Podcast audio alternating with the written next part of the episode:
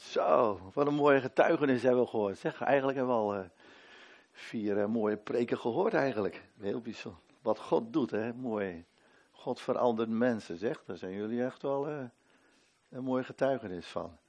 Heel bijzonder. En ja, nu mag ik ook iets delen. En ehm, ja, er was eens, er was eens. Ja, zo begint elk sprookje. Maar wat ik vanmorgen ga delen is geen sprookje. Het staat in het woord van God. Er was eens een hele grote samenkomst. Van wel een paar duizend mensen, dus nog veel groter dan hier. En tijdens die samenkomst, of dat nou de, degene die al gesproken had, al uh, amen gezegd had, dat weet ik niet. Of dat het zo tijdens een preek gebeurde. Toen riepen ze ineens, heel die menigte, wat moeten we doen? Het staat in de Bijbel. Wat moeten we doen? Het kwam diep uit hun tenen. Een vraag. Wat moeten we doen? Wat moeten we doen? En we lezen die vraag in het boek Handelingen, Handelingen hoofdstuk 2, vers 37. En uh, ik lees uit de herziende statenvertaling en Gerben die volgt mij. Tik ik met de NBG-vertaling, die staat er nog niet op, maar over een paar weken hebben we een nieuw programma geloof ik. Er staat ook de, de HSV daarin. En uh, er staat in vers 37, Handelingen 2, vers 37. En toen zij dit hoorden, werden zij diep in hun hart geraakt. En zeiden tegen Petrus en de andere apostelen: Wat moeten wij doen? Wat moeten wij doen? En uh, ze hadden namelijk een hele radicale preek gehoord van Petrus, die vol was van de Heilige Geest. Kort daarvoor was hij gedoopt met de Geest, vol van kracht en. Uh, en dat zijn allemaal mannen die, en vrouwen die daar staan te luisteren. Mensen met een Joodse afkomst. Vanuit hun oude verbond. Allemaal als kind besneden. Leefden volgens de Joodse wet en volgens hun traditie. En uh, worden op dat moment door de, door de geest van God en door het woord geraakt. En ze waren misschien wel zo vertrouwd met een oude religie, met zijn Joodse religie, met, misschien met hun opvoeding, dat ze op dat moment helemaal de kluts kwijtraakten. En alleen maar konden roepen, wat moeten we doen? En uh, misschien hebben, ik denk zeker dat jullie ook die vraag gehad hebben de afgelopen jaren. Heb ik wel in het getuigenissen doorhoren. Wat moet ik doen? Wat moet ik doen? Jeannette, wat moet ik doen? Willemijn, wat moet ik doen? God, wat moet ik doen? Wat is uw wil? Als je zo gaat ontdekken dat God iets met je leven wil en dat hij vraagt om een bepaalde stap te doen. Wat moet je doen? Jullie hebben je best herkend in die vraag, want jullie hebben ook allemaal een kerkelijke achtergrond.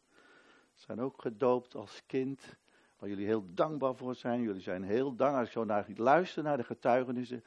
Heel veel respect voor je ouders, heel veel liefde voor je ouders, dankbaar voor je opvoeding en wat je hebt meegekregen. En ik wil tegen de ouders zeggen, als ze hier vanmorgen zijn, jullie hebben het goed gedaan. Jullie hebben het goed gedaan. Dat zij hier zitten, is een getuigenis. Is niet van falen, maar is goed gedaan. Door de genade van God natuurlijk. En dan uh, ben je zo door het woord van God en door de Heilige Geest tot een overtuiging gekomen. En zo laten jullie je dopen vanmorgen. Amen. Zo laten jullie dopen vanmorgen. Ik ken zelf ook die worsteling. Ik ben zelf ook kerkelijk opgevoed. En daar ben ik heel dankbaar voor. Ook als kind gedoopt. Maar ik had geen zekerheid. Ik had geen zekerheid. En op een gegeven moment ga je ook zoeken en dan ga je vragen. En uh, vragen stellen ook over het dopen, toen we tot geloof gekomen waren. En ik vroeg aan mijn vrouw Marian, wat moet ik doen? En zij zei, ik weet het wel, maar ik wist het nog niet. En dan ga je boeken lezen, je gaat met vrienden, ga je erover spreken. En dat overtuigde me nog niet helemaal. En toen las ik, en toen las ik in de evangelie, dat Jezus zich liet dopen. Jezus, de Zoon van God. Besneden, als kind, als baby. En hij liet zich dopen. En tijdens zijn doop ging de hemel open en de Heilige Geest kwam op hem. En toen hoorde hij de stem van zijn vader, van zijn hemelse vader. Mijn zoon, je bent mijn geliefde zoon. Ik hou van jou. Ik hou van jou. Wauw. Als de vader daar zo over denkt en als Jezus zich liet dopen, toen wist ik het antwoord. Toen wist ik het antwoord. En toen heb ik me laten dopen. Zo kreeg ik een antwoord op deze vraag. En zo stellen deze mensen, die duizenden mensen die daar staan, en die roepen: wat moeten wij doen? En ze krijgen dan ook meteen een antwoord van Petrus in vers 35. Gewoon recht toe, recht aan, simpel. Bekeer je en dan ieder van jullie laat je dopen, moet gedoopt worden in de naam van Jezus Christus tot vergeving van je zonde. Eigenlijk een opdracht, bekeer je, verander je van denken, kom tot bezinning. Wat heb je gedaan? Kijk naar je oude leven, kijk naar Jezus, kom tot berouw, draai je om, geef je over, aanvaard hem, bekering. En laat je dopen. Of eigenlijk staat er, je moet, je moet gedoopt worden. Eigenlijk staat er een, een geweldig bevel. En er hoort ook een geweldige belofte bij. En dan zul je ook de gave, in vers 38 eh, en 39, de gave van de Heilige Geest ontvangen. Je zult gezegend worden met de kracht van de Heilige Geest. En niet alleen jullie, maar ook jullie kinderen en de geslachten na jullie. Eigenlijk wordt hier gesproken over een verbond. God wil een nieuw verbond oprichten. Een nieuw verbond. Wanneer je laat dopen, dan komt daar in de geweldige vervulling de zegen van het nieuwe verbond. Van oud naar nieuw. Van het verbond van Mozes naar het verbond met Christus.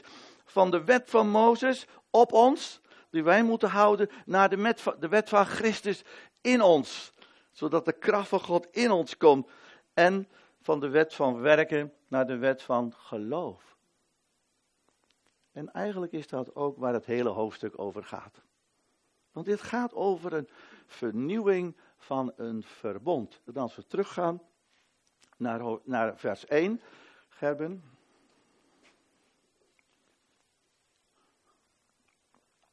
En er staat, en toen de Pinksterdag aanbrak. Ja, dat staat in de NB, NBG, maar in de HSV staat. En toen de dag van het Pinksterfeest, dat er eigenlijk vervuld werd. Er ging iets in vervulling. De dag van het Pinksterfeest. En dan denken we vaak, Pinkster heeft te maken met de Heilige Geest. Maar dat betekent Pinksteren niet. Wat betekent Pinkster eigenlijk? Vijftigste dag. Inderdaad, dat betekent vijftigste dag. Het is de vijftigste dag na Pesach, na Pasen. En het is dus de vervulling van een periode van vijftig dagen wachten. En ze waren allemaal eensgezind bijeen, in volle verwachting. Ze verlangden iets.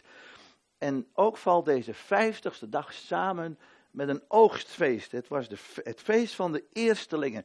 Het was het begin van de tarweoogst. En dit oogstfeest begint, krijgt op dat moment ook een, daarom ook is het ook een vervulling, een geestelijke betekenis. Vervulling van een geestelijke oogst. Als je van de boerderij komt, dan weet je dat natuurlijk. Als je een oogst wil hebben, moet je eerst zaaien. Het zo moest er dus voor deze oogst ook gezaaid worden. En Jezus zegt, dat is heel bijzonder, in Johannes 12, vers 24, hoef je niet op te zoeken, Gerben, ik zal het voorlezen. Als de tarwekorrel niet in de aarde valt en sterft, blijft hij alleen. Maar als hij sterft, dan draagt hij veel vrucht. En zo is dit een profetisch woord van Jezus zelf. Zo stierf de tarwekorrel, deze goddelijke tarwekorrel, op de Goede Vrijdag. En werd hij gezaaid in de aarde. Om drie dagen later op te komen. Dat ging snel. En om vijftig dagen later de opbrengst te zien. En dat zien we dus nu gebeuren in hoofdstuk 2 van de handelingen. En dit is de eerste betekenis. Dus de tarwekorrel die sterft, die opkomt drie dagen later. En vijftig dagen later zien we de oogst van duizenden gelovigen, of drieduizend, zo wordt hier vermeld in dit hoofdstuk. Maar er ligt nog een tweede betekenis in deze vijftigste dag, na Pesach, na Pasen. Het is ook de start van een nieuw verbond. Want Pesach, bij Pesach vieren de Joden ook de uittocht uit Egypte. Dat de vader van elk Joods gezin bloed moest strijken aan de deurpost en aan de bovendorpel. En dat ze uitgeleid werden en dan vijftig dagen later in de woestijn bij de berg Sinai, bij de berg Horeb, de wet van Mozes kregen. En toen werd het oude verbond opgericht. Maar nu, vijftig dagen na Pesach, na Pasen, na Goede Vrijdag, waarop het lam van God geslacht werd, zien wij dat de Heilige Geest wordt uitgestort. Niet de wet van Mozes wordt gegeven, maar de wet van de Geest wordt gegeven. De Heilige Geest wordt uitgestort, zodat dus de wet niet zoals bij het Oude Verbond op ons komt, maar dat de Geest van God, de wet van God, in ons geeft. En wordt er een nieuw verbond opgericht. En daar gaat eigenlijk, dat is die vervulling. Dat is die geweldige vervulling. Daar gaat iets fantastisch in vervulling op deze dag. Het wordt oogsttijd. Pinkster is het begin van een wereldwijde oogst. En de gelovigen ontvangen de Heilige Geest. En daarom zegt Petrus ook: laat je gedoopt worden. Moet gedoopt worden. Want bij elk verbond hoort ook een verbondsteken. Het oude verbond, de besnijdenis. En bij het nieuwe verbond zegt hij: laat je dopen. Bekeer je en laat je dopen op het gezag. Dat betekent op het gezag van Jezus. En zoals Jezus gezegd heeft.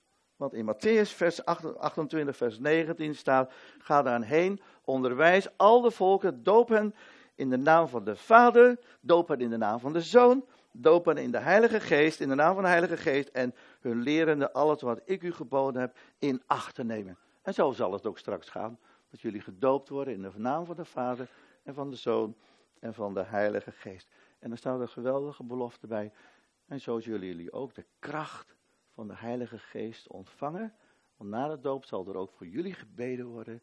Voor deze geweldige zegen van de kracht van de Heilige Geest.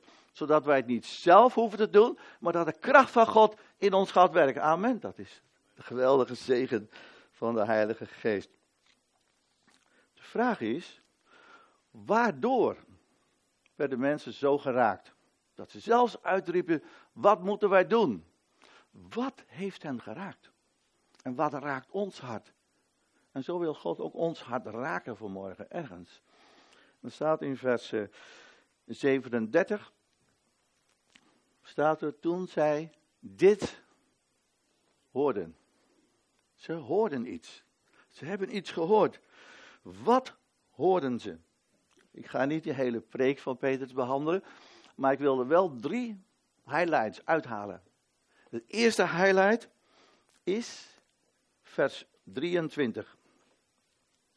Vers 23. En dat is het evangelie van het kruis.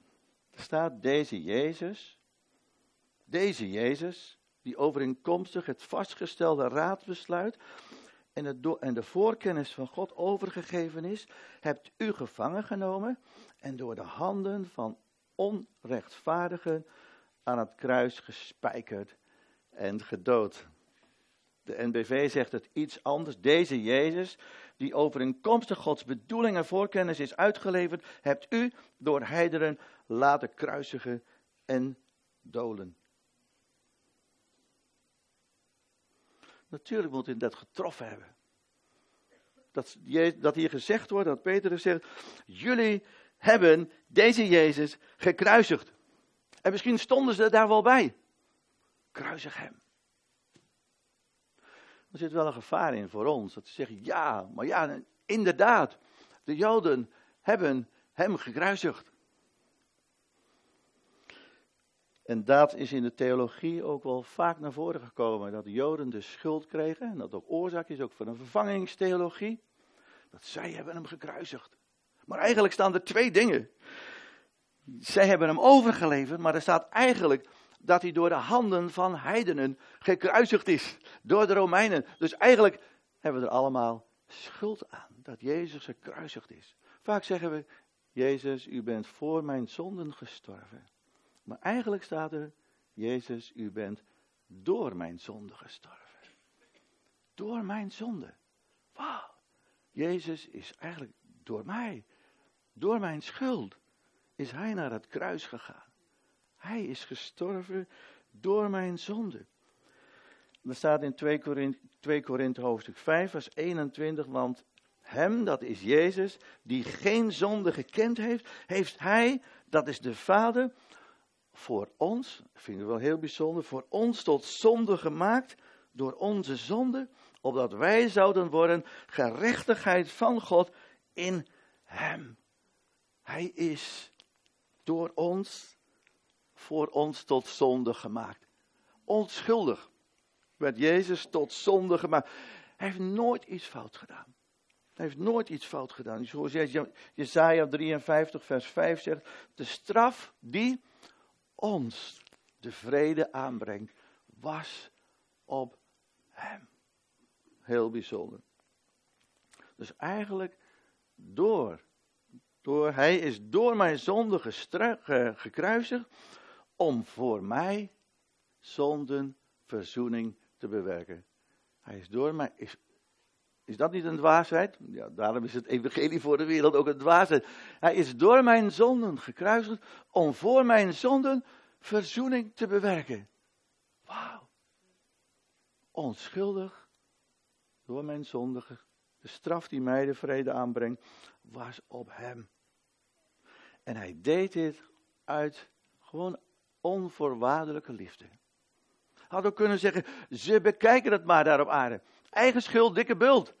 Maar hij zei tegen zijn vader, vader, hier ben ik. Want hij wist hoeveel de vader van deze wereld en van de mensheid houdt. Wat we ook gedaan hebben. Wat we ook gedaan hebben.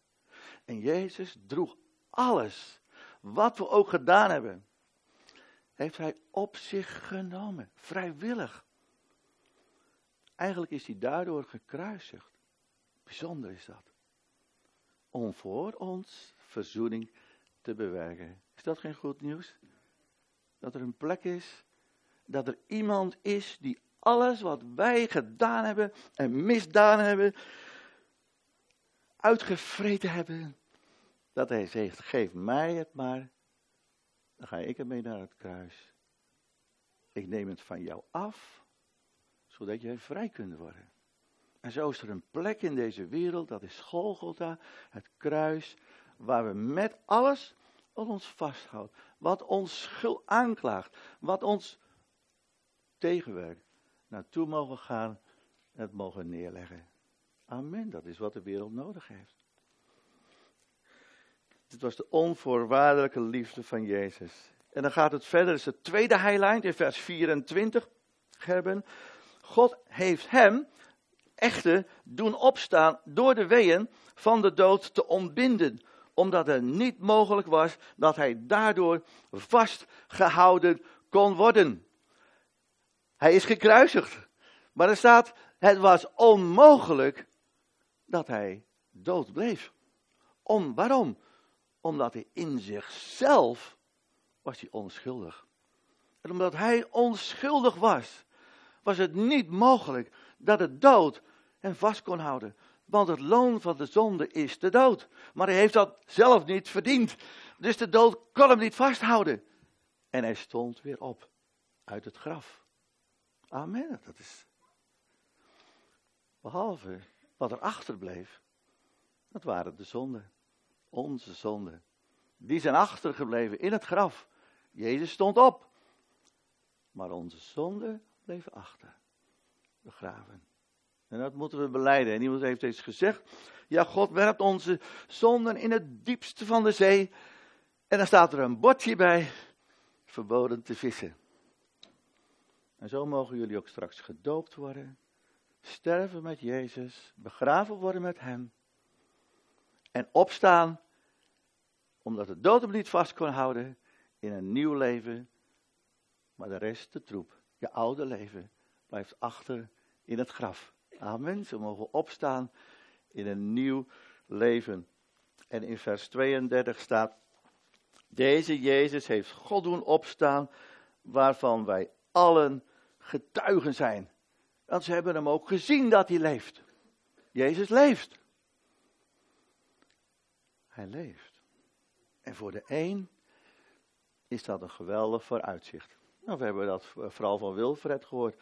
Omdat Jezus leeft, hebben ze hem gezien en zullen we hem zien. Omdat hij weder gaat komen. En wat een hoop geeft dat, als je zegt, wat een wereld leven wij in. Maar Jezus is opgestaan, ze hebben hem gezien en we zullen hem zien als hij komt. En dat hij alle dingen nieuw zal maken. Wat een hoop ligt daarin. En wat een kracht ligt erin. En wat een toekomst ligt daarin. En daardoor heeft Jezus ook eeuwig leven mogelijk gemaakt. Leven met Hem. Leven in Hem. En leven door Hem. Maar voor anderen, voor anderen is deze opstanding een bedreiging. Dat betekent dat Hij leeft. En dat we Hem zullen zien. En dat iedereen Hem zal zien. Voor de een die zegt, wauw, ik verlang naar u, Jezus. En voor de ander die zal zeggen, maar ik hoop niet dat u terugkomt. Want dan zal ik zien dat, ik, dat hij door mijn zonde. En je voelt je schuldig. En je weet niet waar je het zoeken moet. Omdat je hem nog niet aangenomen hebt als je redder.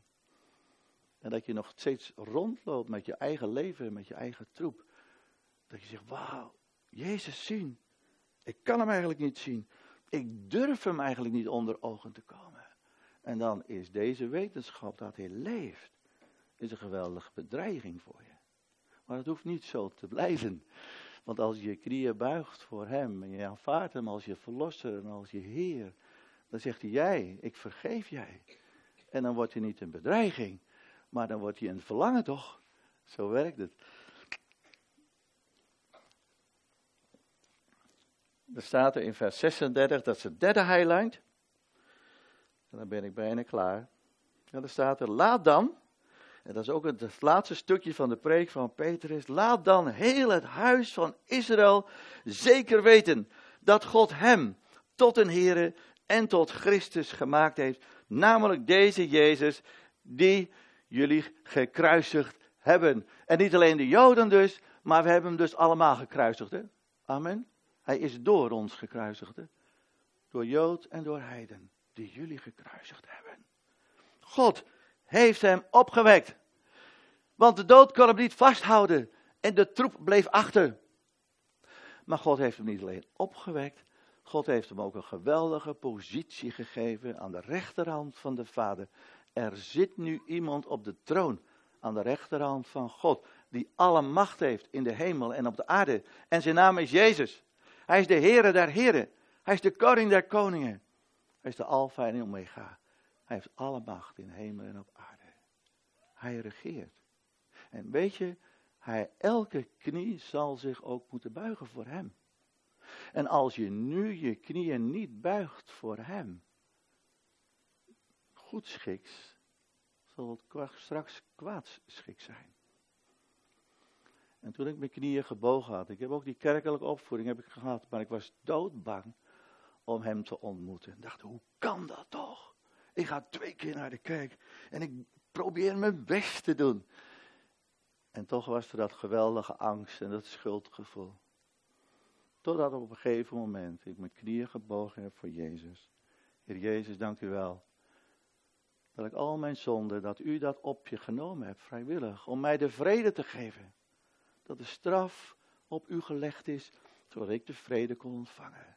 Dank u wel, Heer Jezus, dat u leeft. En ik open mijn hart voor u.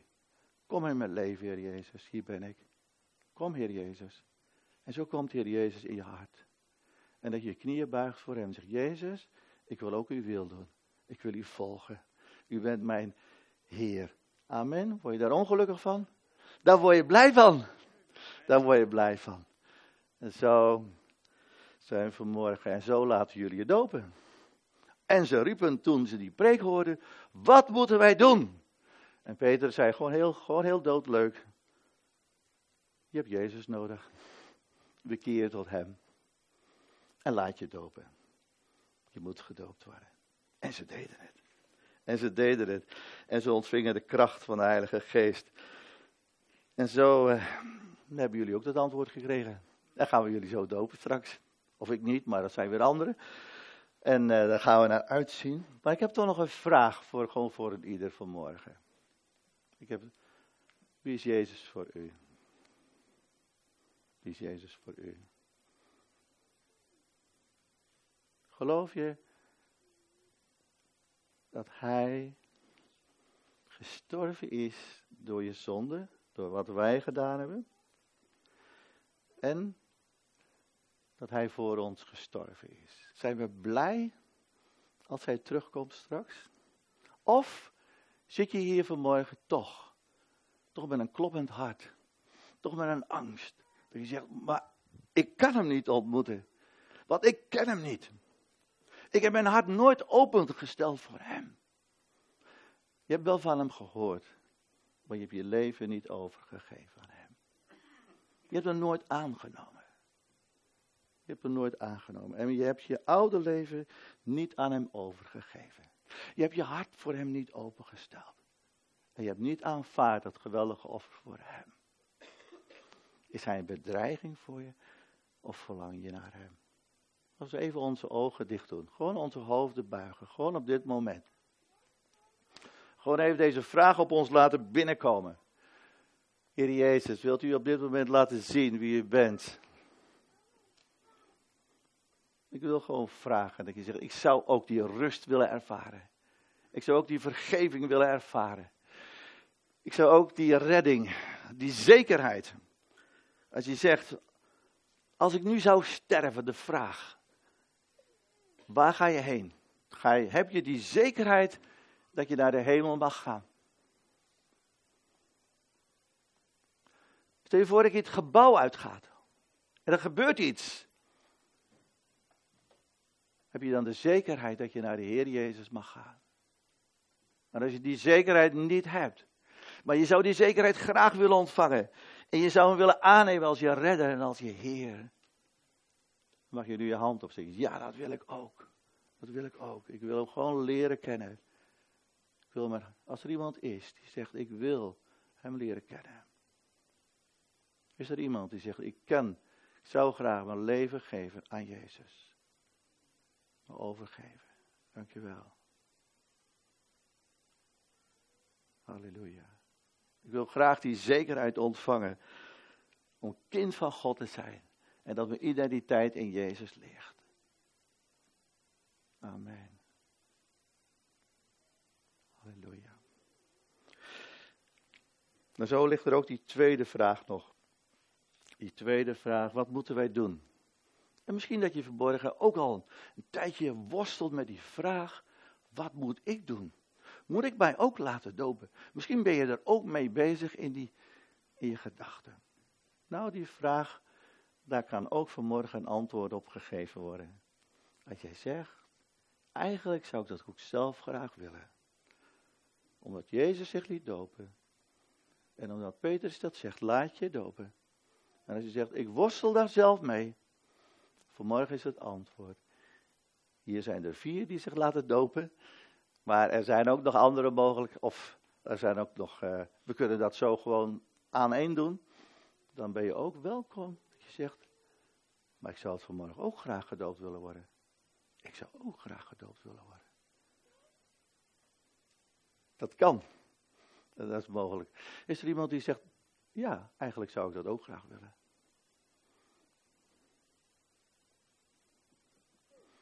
Dat mag. Dus, moet je het nu zeggen? Oké. Dus dat hopen over een paar maanden wel weer een doopdienst te hebben. Maar het zou zomaar kunnen vanmorgen. Dat je zegt, hé, hey, ik zou ook graag gedoopt willen worden. Laten we afsluiten met gebed. Dank u wel, Heer Jezus, dat we gewoon, dat we gewoon deze, ja, voor het geweldige evangelie. Het evangelie van het kruis. Het evangelie van de opstanding. En het evangelie van uw koningschap. Dank u wel daarvoor.